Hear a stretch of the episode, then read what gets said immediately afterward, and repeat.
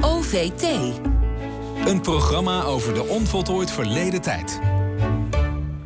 Ze was joods, wit, maar ook afwisselend heteroseksueel, lesbisch, socialist, antifascist en antiracist. Rosie Pool ontsnapt op het nippertje aan de deportatie uit, vanuit Westerbork en wijdt haar leven aan de strijd tegen discriminatie en racisme. Vrijwel alle grote gebeurtenissen uit de 20e eeuw passeren de revue in het bewogen leven van de van oorsprong Amsterdamse. Maar haar verhaal lijkt, eh, maar haar verhaal lijkt vergeten. Daar komt nu verandering in dankzij het onderzoek van historicus Lonneke Geerlings... die de vele levens van Rosie Pool schreef, dat recent is verschenen.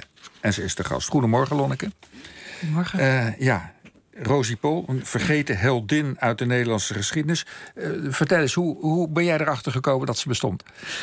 Ja, eigenlijk puur per toeval. Ik had een uh, gesprek met Suzanne Lejeune, hoogleraar politieke geschiedenis... aan de Vrije Universiteit. En ik zei dat ik graag promotieonderzoek wilde doen ik heb altijd al een, obsessie gehad met de jaren zestig. Dus daar moest het over gaan. En toen kwam zij met de suggestie Rosie Pol. En mijn eerste reactie was: Rosie wie? Want ik had echt nog nooit van haar gehoord. En toch voelde ik me daar een beetje ongemakkelijk over. Want ik had wel het idee dat ik haar zou moeten kennen. Um, toen ik haar levensverhaal hoorde. En toen ik haar ging googlen, toen kwam ik er dus achter dat er eigenlijk niks over haar te vinden was. En toen ging ik ook in de literatuur zoeken en nergens was er was te vinden.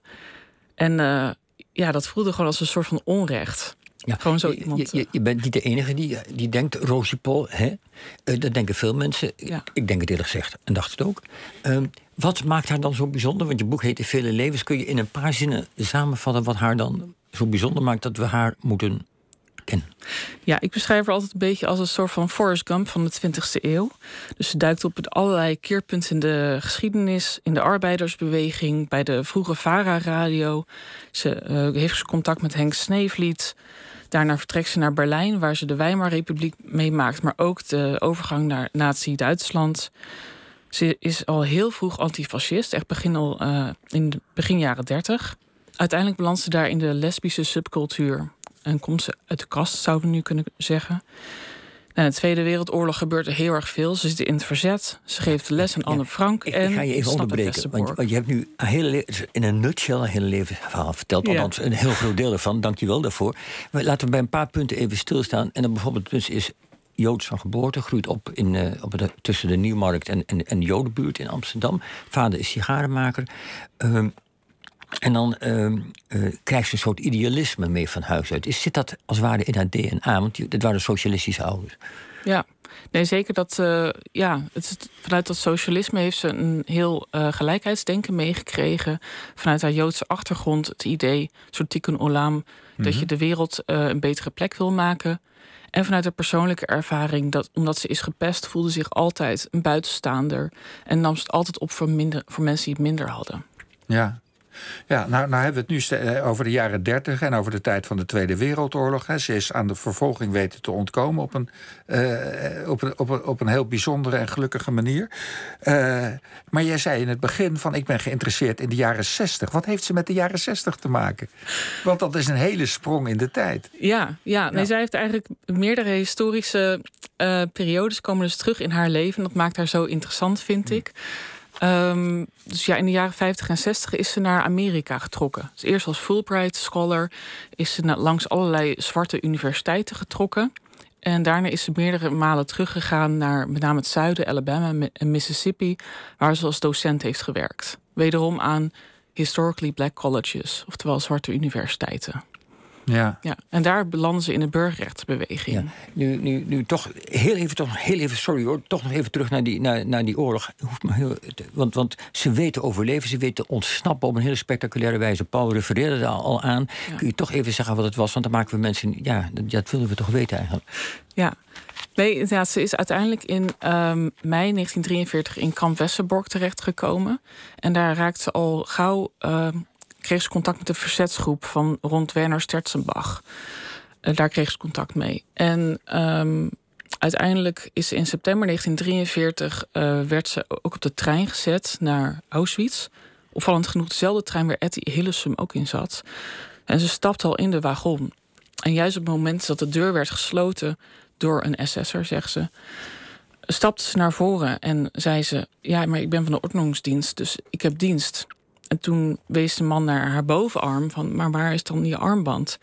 En toen zei ze dus in vloeiend Duits: Oh, die ben ik vast kwijtgeraakt. Ja. En omdat ze juist de, daarvoor twaalf jaar in Duitsland heeft gewoond en ze had een enorme talenknobbel, ze had een perfect Berlijns accent, was ze blijkbaar zo geloofwaardig dat hij dus even opzij stapte van: Oké, loop maar door. Ja, ze overbluft hem met, met haar kennis. Ja.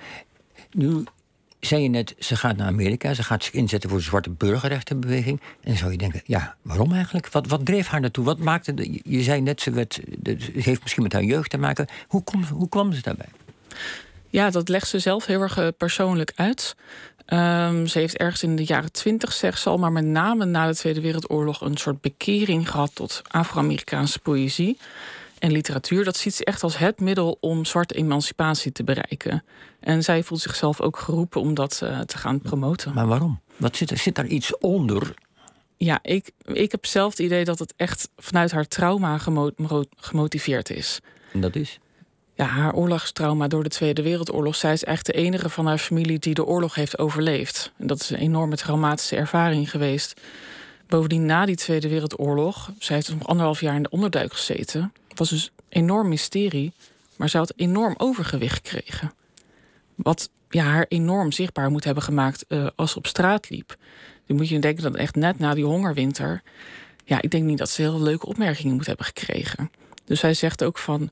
Als kind was ik al dik, zegt ze zelf. Voel ik me al een buitenstaander. En na die Tweede Wereldoorlog wordt het eigenlijk alleen nog maar erger. En eigenlijk voelt ze zich niet meer thuis in Nederland. En die, in die zwarte gemeenschappen, met name Afro-Amerikanen, voelt ze zich weer thuis. Maar dus je zegt eigenlijk, er zijn twee redenen. Ze wordt gepest, want ze heeft vreselijk overgewicht. Maar daaronder zit nog een veel diepere laag, namelijk dat ze uh, als ware haar hele familie heeft de oorlog niet overleefd, geloof ik. Uh, nou, de rest van het verhaal kent iedereen natuurlijk, het grootste deel van de Joden niet. Wil ze dan als ware iets overdoen, de verloren strijd en iets gaan compenseren. Hoe kijk je daarnaar? Ja, nee, dat benoemt ze ook zelf. Zeker als ze in Mississippi is, dat is echt een, daar heeft ze een herbeleving van haar oorlogstrauma. Dus het is ook heel erg heftig dat ze daar als docent werkt in Jackson, Mississippi. En dat wordt al gauw bekend dat zij als witte vrouw de segregatieregels schendt. Dus zij wordt achtervolgd op straat, ontvangt dreigbrieven. Er wordt zelfs een kogel door haar raam uh, geschoten. En zij heeft zoiets nou, dit is echt net alsof ik weer in de Tweede Wereldoorlog ben. Mag, mag ik iets vragen? Ja, uh, waar, waar heb je die kennis allemaal vandaan? Heeft ze dagboeken nagelaten of veel brieven? Want we weten niks van haar, maar jij weet alles van haar. Dus het moet ergens vandaan komen. Ja, nee, ze heeft twee enorme archieven achtergelaten... wat nog een soort bijdroeg uit het mysterie waarom die nooit zijn gebruikt. Die zijn dus in Engeland en Amerika te raadplegen... met ja, honderden, nou, bijna 2000 brieven heel veel plakboeken met al haar krantenknipsels, wat ze allemaal heeft gedaan.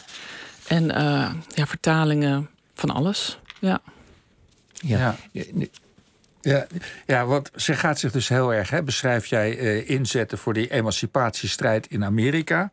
Um, nou, zou een wit iemand die dat tegenwoordig doet, zou al gauw allerlei eh, verwijten krijgen van toe-eigening en dat soort dingen. Hoe zat dat in die tijd dat zij dat deed? Hoe, eh, hoe, hoe, hoe, werd zij opgenomen eh, in die zwarte gemeenschappen waar ze ging werken?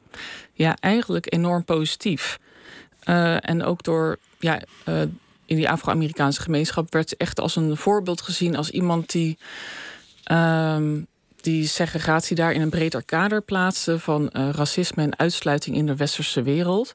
En ook door journalisten werd ze wel eens vergeleken met Harriet Beecher Stowe. Ze auteur van uh, De Hut van Ome Tom.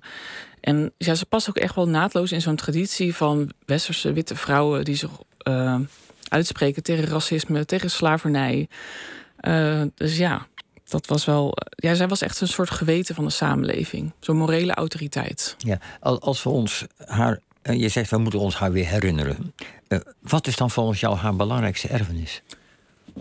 Ja, ik vind het heel erg interessant hoe zij haar trauma um, een soort uitbuiten, maar ook daar een soort van. Uh, het is niet dat ze het ontkende, maar ze gaf er een positieve draai aan.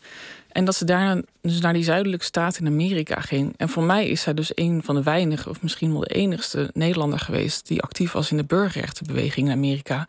Maar ik laat me heel graag corrigeren, uiteraard. Maar had ze, uh, had ze daar ook naam?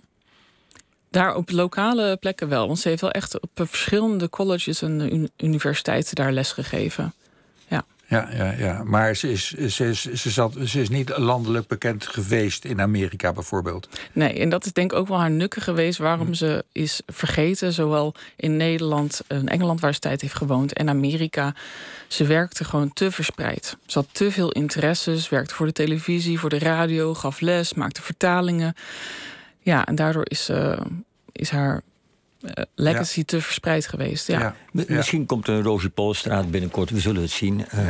Ja.